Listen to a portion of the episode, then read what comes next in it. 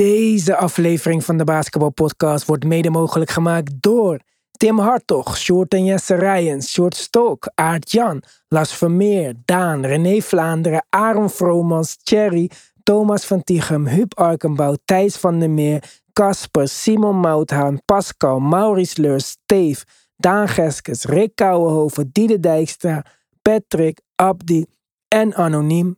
Speciale shout-out naar de GOATs. Robert Heiltjes, Yannick Chongayong, Wesley Lenting, Robert Lute, Jan van Binsbergen, Tarun en Yannick, Samet Kasic en Myron. Wij zijn er op YouTube, wij zijn er op Apple Podcasts, we zijn er op Spotify, wij zijn overal. Maar als je echt op de hoogte wilt blijven van wat er in de NBA gebeurt, dan moet je op onze petje af zijn natuurlijk. Met een petje af abonnement krijg je toegang tot de groupchat en al onze extra podcasts. We hebben vier pakketten: Rookie, Starter, All-Star en Go. Dus je kan kiezen wat het beste bij jou past. Om een abonnement te nemen op ons petje af, ga je naar petjeaf.com slash de basketbalpodcast. Als je ons alleen wilt steunen, kun je ook een donatie maken. Zoveel als je wilt. Daar help je ons ook ontzettend mee. Ga daarvoor ook naar onze petje af petjeaf.com slash de basketbalpodcast. Of je kunt de link vinden op de basketbalpodcast.nl door te kiezen op luister op petje af. Alle support wordt gewaardeerd. Let's go!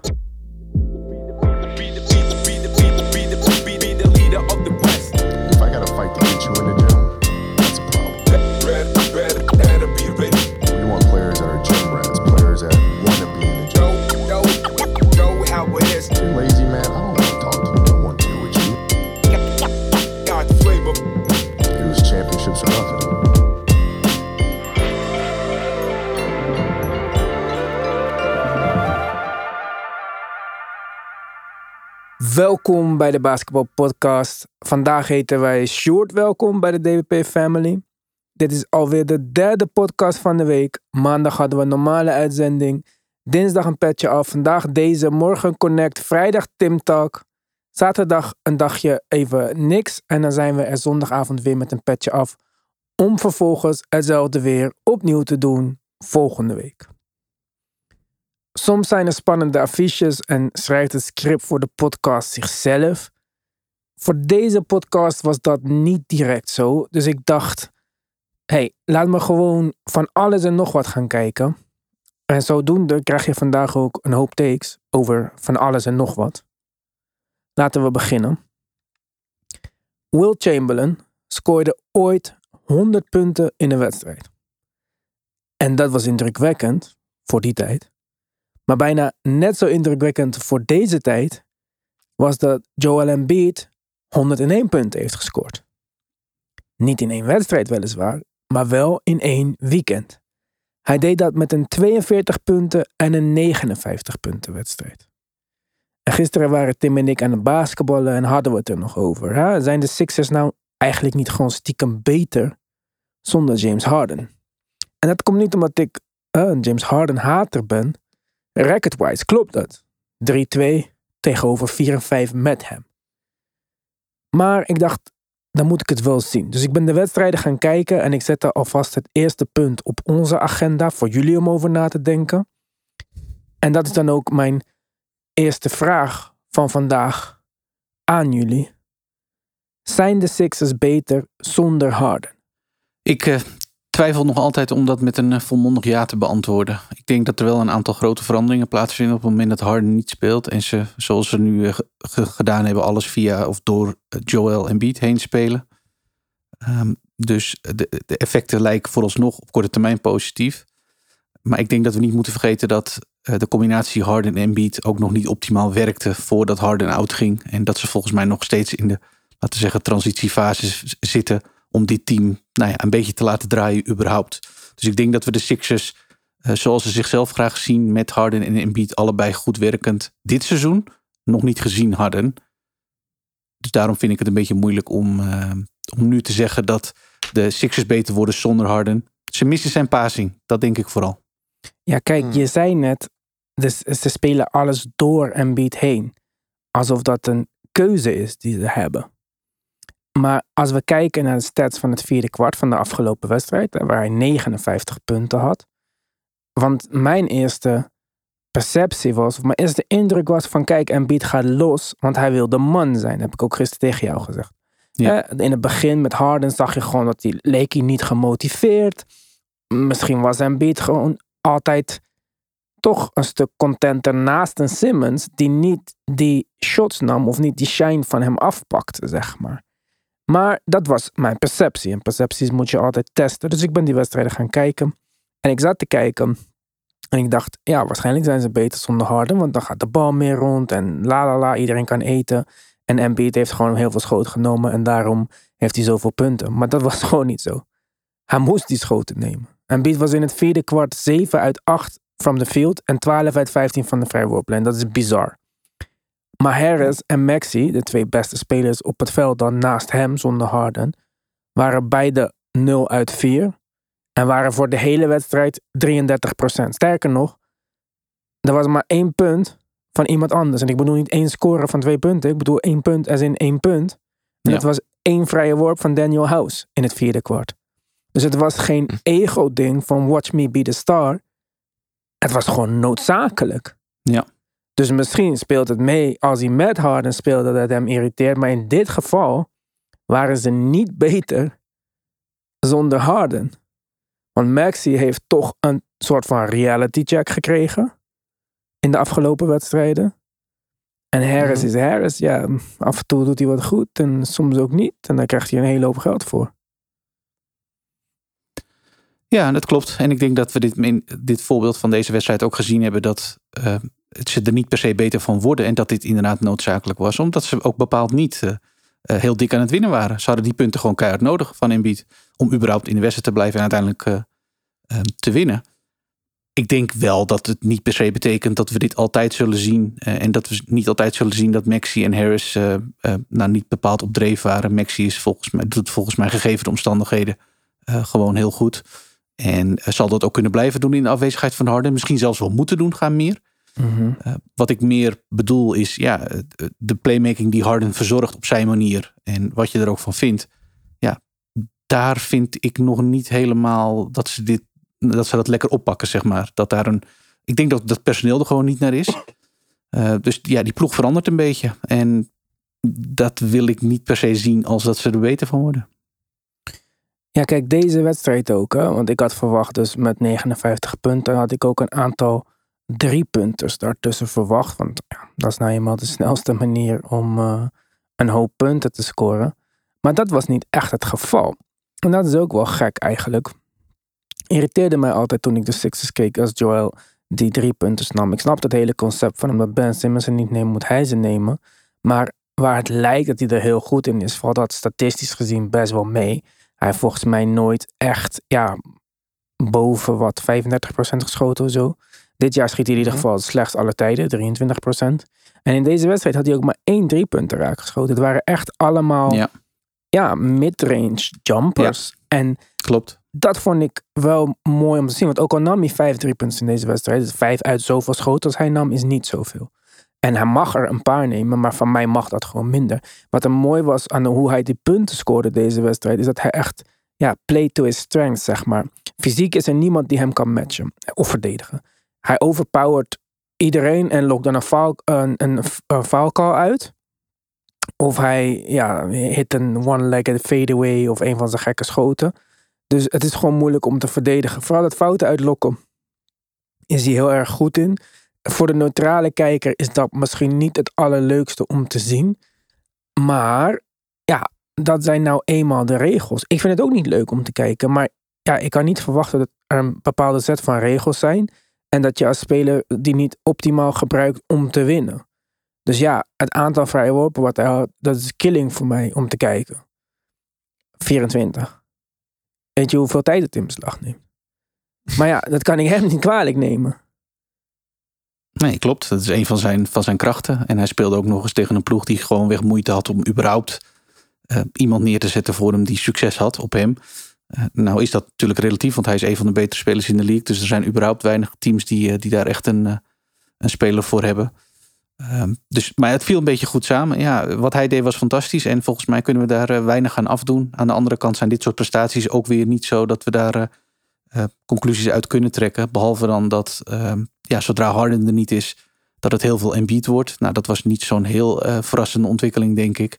En dat we van Tyrese Maxey het nodig mogen verwachten. Maar dat wat mij betreft de conclusie niet direct hoeft te zijn dat ehm, de Sixers daar ofwel sneller van gaan spelen. Dat heb ik ook nog niet gezien.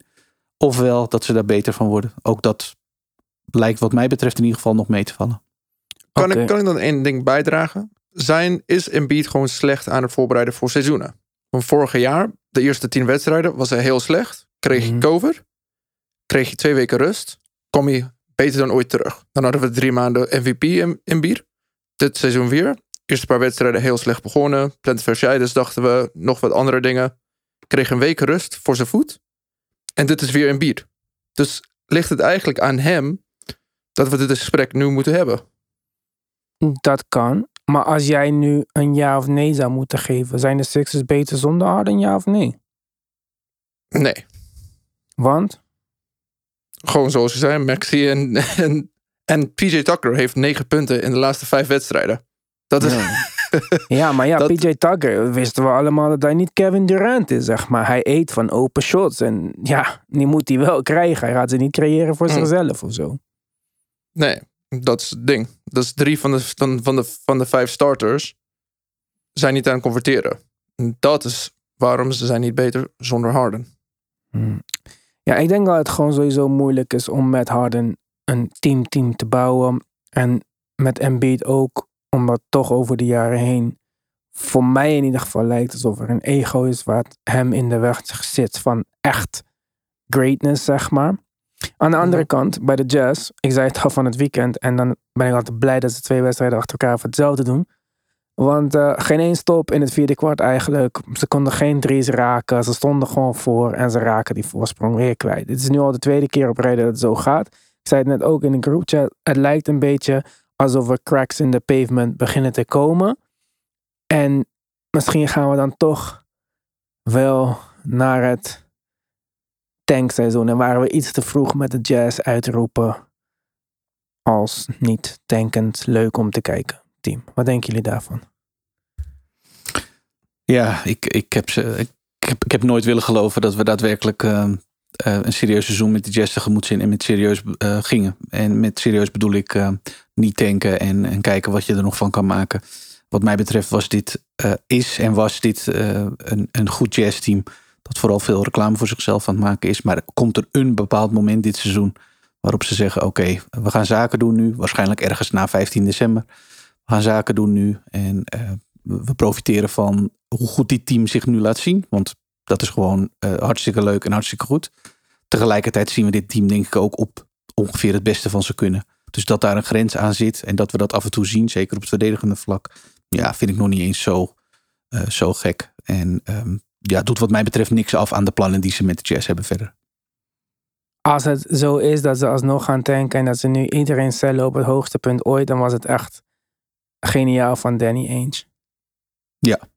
Absoluut. Ik weet ook niet of hij dit had kunnen voorzien. Ehm, dat vraag ik, dat betwijfel ik eerlijk gezegd. Ik denk gewoon dat dit fantastisch voor ze uitspeelt. En wat mij betreft een hoop credits naar, eh, naar Will Hardy. Eh, en uiteindelijk ook naar die jongens. Want het, het concept dat zij hebben daar met, laten we zeggen, niet echt een ster. En, en eigenlijk allemaal jongens die, die eh, de, ja, de bal goed willen sharen. En, en dat ook gewoon doen. Ja, dat, dat, is, dat is iets wat ze volgens mij gewoon hartstikke goed doen. Ja, kijk, je zei net Will Hardy en dat vind ik een mooi eh, bruggetje. Will Hardy dus een uitstekende coach om een jonge groep spelers aan het spelen te krijgen, om ze met elkaar te laten spelen. En dat brengt ons eigenlijk bij mijn volgende agendapunt. Wouter, doe je oren dicht. Hebben de Pistons een nieuwe coach nodig? Want zoals Will Hardy dus dat hele team aan het spelen krijgt, zeg ik niet dat de Pistons niet aan het spelen zijn. Ze missen natuurlijk Kate Cunningham. Ze speelden een wedstrijd tegen de Raptors. Dat is ook niet een automatic win, ook al missen de Raptors veel spelers. Maar wat ik wel zag in die wedstrijd, waar voor mij een groot verschil in zat tussen deze twee teams, is dat de Pistons hadden een hoop talent op de vloer. Ze hebben Sadiq Bey, waar ik eh, erg gecharmeerd van ben. Bagley was er weer bij. Ivy is echt, ja, ik wil niet zeggen stiel, want hij is onwijs hoog gekozen. Maar Het is gewoon een hele goede speler. Die Livers is goed. Iedereen is eigenlijk goed bij de Raptors. Het lijkt alsof iedereen talentvol is. En dan daarbovenop hebben ze nog die trade gemaakt voor uh, Bogdanovic. Wat misschien dan niet eens de slechtste move ooit is. Want deze speler gaat sowieso, als je hem nu op de markt zou gooien, meer opleveren dan dat zij ervoor Ja. betaald hebben. Ja. Maar waar het bij Toronto ontbrekende spelers waren, waardoor ze misschien niet optimaal konden performen, ook al missen ze dan die ervaring op de vloer, wel een duidelijk systeem, een duidelijke filosofie waar ze op terug kunnen vallen. Kijk, ik moest Delano Benton gaan googlen. Want ten eerste hoorde ik ook dat hij buitenlandse speler van de week was, of van de dag of zo. Ik dacht, waar fuck komt hij dan vandaan? Benton, ik ken een reggae zanger, die heet Buju Benton of zo. Maar deze Benton komt uit Canada. Is opeens de point guard, weet ik veel wat de fuck hij doet. Hij heeft de meeste punten. En dat is niet zomaar. Het is gewoon omdat hij invalt in een systeem. En als ik kijk naar de Pistons en ook waar bijvoorbeeld het laatste schot eh, fout ging. Het zijn eigenlijk ISO-plays van onervaren spelers. Niet alsof je Kevin Durant hebt daar of zo. En dan kom ik weer uit bij, is dit de goede coach voor de goede situatie? Deze coach was een hele goede coach bij de Raptors. Maar bij de Raptors had hij een hoop veteranen onder zich. Hè, Kyle Lowry, DeMar DeRozan. Is dit wel de juiste coach om een jong team te ontwikkelen? Een jong team heeft ietsje meer structuur nodig. Misschien ietsje meer afbakenen van rollen. Ja, ik heb het uiteraard ook gezien en over nagedacht. Ehm, ik snap waar je vandaan komt. Ik weet nog niet of dat echt zo is. Ik denk wel dat hij als coach zijnde nu op een punt komt waarop, dit, waarop de antwoord op deze vraag wel moet gaan komen. Omdat eh, we kunnen wel blijven roepen dat de Pistons eh, een talentvol team zijn in ontwikkeling. Maar wat mij betreft is dit het team waar je wel iets meer van mag verwachten dan dat we nu zien. En ik vond dat in die eh, wedstrijd tegen Toronto eigenlijk ook wel. Ik zat ernaar te kijken, toen dacht ik, ja, als je op papier op dit team afgaat, dan denk je, nou, best leuk eigenlijk. Ziet er best goed uit. En ze hebben overal wel leuke of talentvolle of beide spelers staan. Zeker. Ja, en dan verwacht je op een gegeven moment ook wel dat er iets van uit gaat komen. En, en als je dan kijkt wat dat zou moeten zijn. Hè, je ziet de wedstrijden, je ziet de resultaten. Ja, dan denk ik wel dat het een beetje begint te lijken alsof ze achterraken op de wat je realistisch gezien van ze mag verwachten. En dat lijkt me een slecht teken bij een jonge ploeg die in ontwikkeling is. Wat mij betreft mag je iets meer van Detroit verwachten. Ik vond ook sommige line-ups niet helemaal kloppen. Ik vond dat er um, soms spacing issues waren. En dat, daar heeft Ivy dan weer uh, pro problemen mee. Want die is wat mij betreft op zijn sterkst richting de basket. Uh, Bagley, ja, uh, leuke spelers. leuke speler, maar ik vond hem verdedigend ook weer. En ik denk dat zo'n coach dan ook wel wat verder moet in zijn line-up combinaties. Zijn systemen. Ook als een Kate niet speelt. Want ja, dat kan nou eenmaal gebeuren. Het kan niet zo zijn dat dit team eigenlijk een soort van stuurloos is op het moment dat Kate niet op de vloer staat. Dus, nee, zo goed ja. is Kate ook niet dat hij dit allemaal optilt naar een uh, contending exact. niveau. En het is prima ja. als je wordt gebied door Siakam en Fred van Vliet en iedereen erop en ja, aan. Maar, maar dat was, een, niet zo. Ja, het was een Scotty Barnes op één been en Delano Benton. Ja, ja. nee, dat, dat, nee, dat nee, is gewoon nee. niet oké. Okay. En ook op het gebied van Ivy. Ivy is echt goed, hè. En kijk, de Knicks waren geïnteresseerd voor, in hem en zo. En ik vind het echt jammer dat hij daar niet bij de Knicks is. Ik zou hem graag elke wedstrijd zien spelen. Maar als je hem zo vrij laat, als dat er nu gebeurt, zeg maar, zonder dat hij echt binnen een bepaald systeem een bepaalde taak uitvoert. En je blijft verliezen, dan leer je hem misschien ook slechte gewoontes aan, zeg maar. En dat vind ik geen positieve outlook. Nee, zeker niet als je natuurlijk van de situatie uitgaat waarin Kate en hij samen moeten kunnen spelen. Dan denk ik wel dat het voor dit, voor dit soort jongens noodzakelijk is dat het een beetje in een bepaalde structuur gebeurt. Om nog maar niet te spreken over uh, dat ik denk dat een speler als Bojan Bogdanovic uh, veel beter uit de verf komt in een bepaald uh, systeem dan wel concept, whatever het, het mag zijn. En de bal in de handen van Bogdanovic geven en zeggen, nou, kijk maar Bojan wat je ermee doet. Hij doet het goed. Hij scoort 20 punten per wedstrijd. Hij, nee, nee, ik zeg niet dat hij het niet goed doet. Hij doet het hartstikke goed. Alleen ik denk dat hij een voorbeeld is van een speler. En ze hebben er meerdere die nog veel beter uit de verf kunnen komen. Op een constant niveau.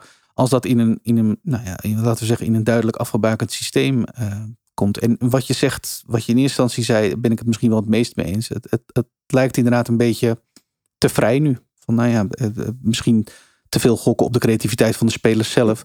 Maar daar, daar is dit team niet naar. Maar wat ik me dan vraag. We weten, we hebben, zullen we zeggen, tien jonge teams die zijn goed geworden de laatste twintig jaar gezien. Zeggen de Thunder waren erg goed, de Celtics, ehm, de Nuggets, misschien niet de Nuggets. Maar allemaal van deze teams die jong zijn, beginnen altijd op één punt. Ze hebben de raw talent, ze hebben atletisch, maar ze hebben een Mhm. sterk verdedigende achterkant of structuur. Je bent de Suns vergeten. De Suns, precies. Dat is een goeie. Waardoor ze allemaal sterker kunnen worden. Want zoals je ziet, slop in de laatste kwart, als ze al een leiding of een lead hebben. En dat is het ding, ze zijn nu tweede laatste in defense. Ja, er zijn alle 3-12 in de league. Dat is ook niet echt perfect. Oké, maar bijvoorbeeld nog steeds teams die jong waren, waren redelijk goed verdedigen. Dus meer de offense was de issue. Mm. Want als je de basis hebt, dan kan je de offense daarop bouwen. Toch? Ja, maar was Maar dat bij de ze Suns ook bij- zo dan? De Suns praten we over welke Suns, voor de zekerheid. Gewoon. De- ja, Suns, eh, voordat Chris Paul kwam, was toch eigenlijk ook gewoon een jong team. Zoals dat eigenlijk Ja. deze Pistons zijn voor Bojan Bogdanovic kwam. Ja, nee, dat klopt. Maar ze waren redelijk sterk verdedigd. Want ze hadden Michael Bridges, hadden Aiton. Maar je, Hmm. het is niet dat ze de beste defense zijn, maar dat ze boven gemiddeld zijn. En nu zijn ze tweede laatste. Ja. En dan de offense is niet zo. Ze hebben niet zo'n goede offense hè, om dat te compenseren. Maar allemaal van de beste teams, de Celtics, goede verdediger en onder Brad Stevens. Zelfs gewoon alle, alle. De Hawks waren redelijk sterk. De Utah Jazz waren sterk verdedigend. De Miami Heat altijd sterk verdedigend. Daar bouw je op. De Raptors waren altijd sterk verdedigend Mhm. onder Dwayne Casey. Ja. Daarom waren ze sterk in de Oost. maar, toch hadden de Raptors problemen, want de Rosen en zo was in, dat, in die periode juist een liability defensively. Hmm, Maar nogmaals, waren de, hadden ze een goede team defense structuur. Zelfs Ja, met structuur. waren ze in de top 10. Ja, maar waarom heeft hij dat nu dan niet ingevoerd? Want het lijkt erop op, op, alsof hij niks heeft ingevoerd. Hmm. Ja, Ik, begin, ik, ik vraag me af welke spelers die daarvoor moet hebben. Ja, hij heeft kapot veel spelers. Hij kan er een paar Ja. uitkiezen en iets van maken. En als het, zeg maar, als het niet werkt met Stewart, omdat hij te klein is om echt center Ja. te spelen en echt de rim te kunnen protecten. En Bagley kan het ook niet, wat ook nu wel op lijkt dat hij niet de beste Klopt. verdediger aller tijden op de planeet gaat worden. Ja, dan Ja. betekent het gewoon dat Duran meer minuten gaat spelen. Want dat, je, verliezen doe je sowieso. Dus laat hem dan maar Ja. minuten maken. Fair enough. Ja, en Duran is, is ook nog eens een, een goede rebounder. Inderdaad, met Stewart zijn ze wat meer richting de perimeter bezig. Ja, leuk. Maar Bagley is wat mij betreft niet zijn, eh, laten we zeggen, rim protecting vervanger. Dus ik ben het met je eens. Eh, Ja. aan, de, aan de defensieve kant hebben ze echt wel eh, ja, wat uitdagingen. eh, want daar liggen echt nog hele grote stappen. Ja. Hmm. Hey, voor jou, Ivan, even snel. De Phoenix Suns hadden de zevende beste defense. De jaar Oké. voordat Chris Paul kwam. Ja, dat is heel goed. Je punt is bewezen. En dan ga ik gelijk inhaken op een ander team wat jij net noemde. Boston Celtics. Nummer 1 in het oosten. En, niet alleen nummer 1 in het oosten, tegen de Thunder, die ja, de Knicks blew out. Dus eh, het was eigenlijk het mooiste affiche, mooiste wedstrijd op papier. En ik dacht dan ook van, ja, deze bewaar ik, want deze wil ik echt met plezier kijken, zeg maar. Die andere moet ik kijken. En ik zit weer te kijken. Ten eerste had ik weer dezelfde fout gemaakt als eh, de vorige keer dat ik het commentaar aan heb gezet van Boston. Want die, die Brian Scalabrine, die is echt hard gesteld. Alleen Doris Burke staat boven hem op mijn irritatie, mensen, commentatoren, eh, dingen. En ik zat die wedstrijd te kijken en ik dacht, waarom vind ik dit team niet leuk? Ze zijn duidelijk goed.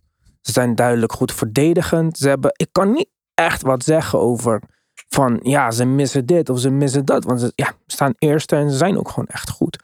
En zelfs Jason Tatum, die ehm, ik misschien niet super goed vind, maar of super goed, super leuk is beter gezegd. Van, heb ik ook al eerder gezegd dit jaar dat hij is verbeterd. Ik zat echt te denken, te denken, te denken.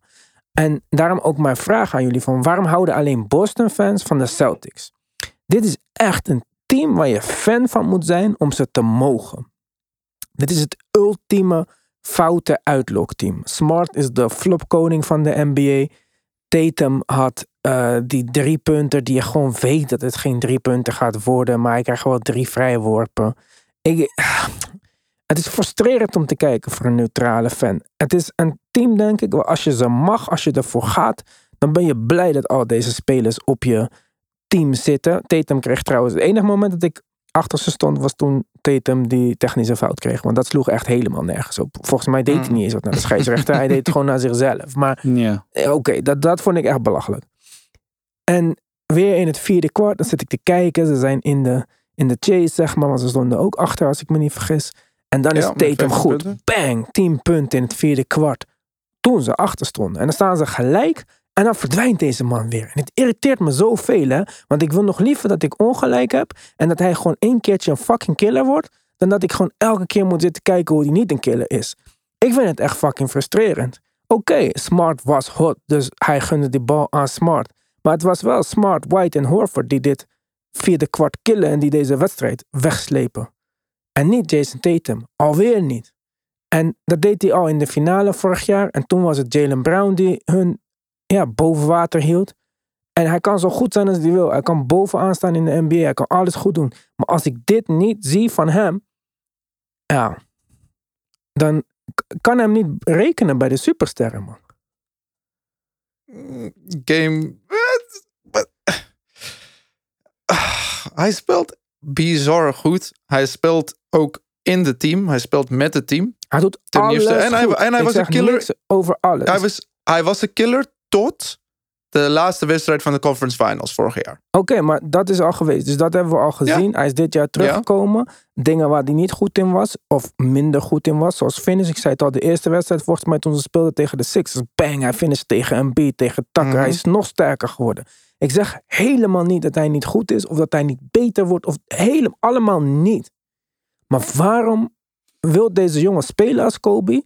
En mist hij net die ene ding wat Kobe bijvoorbeeld bijzonder maakt?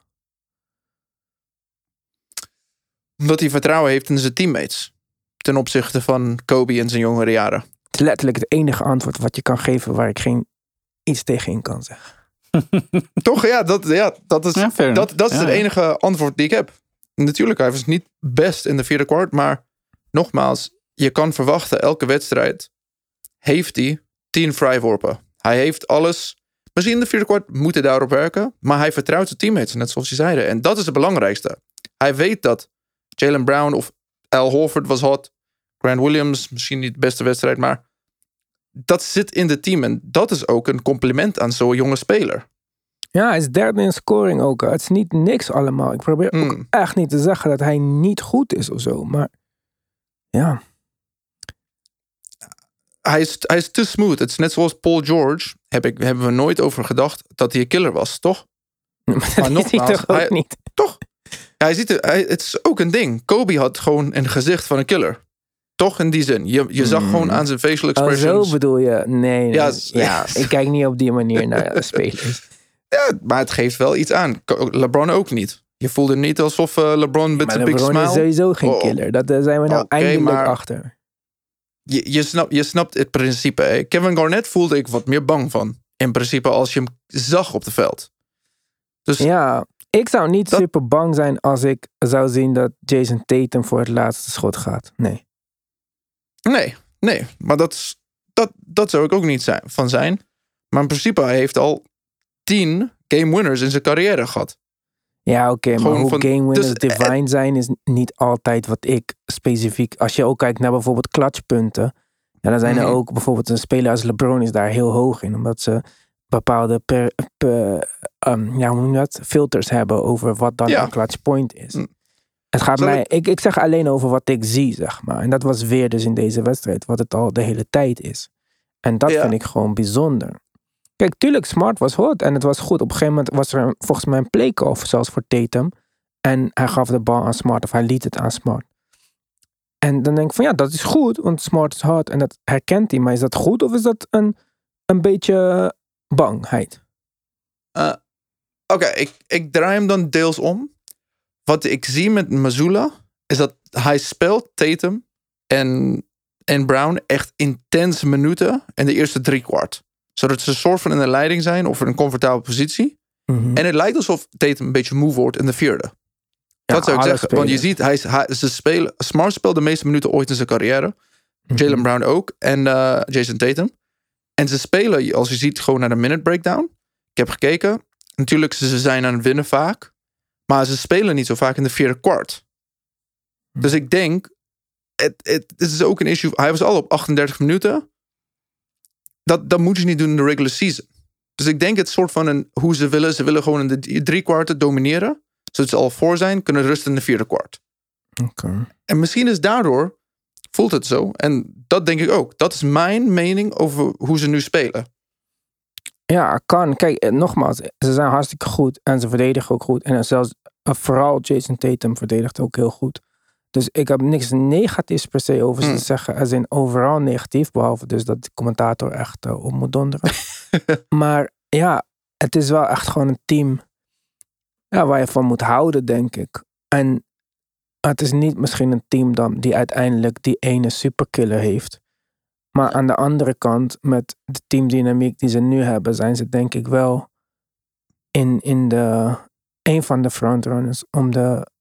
Finales te halen. Dus ja, misschien zegt dat ook wat. Vraagje, vraagje voor jou even snel. Ja. Vind je ze niet super boeiend om, om spannend om te kijken? Omdat ze zo goed met de fundamentals zijn. Hun screens zijn Nee, goed. nee, ze nee. hebben de beste off, Dat, half-court eh, offense. Dat kan ik allemaal waarderen. Dus.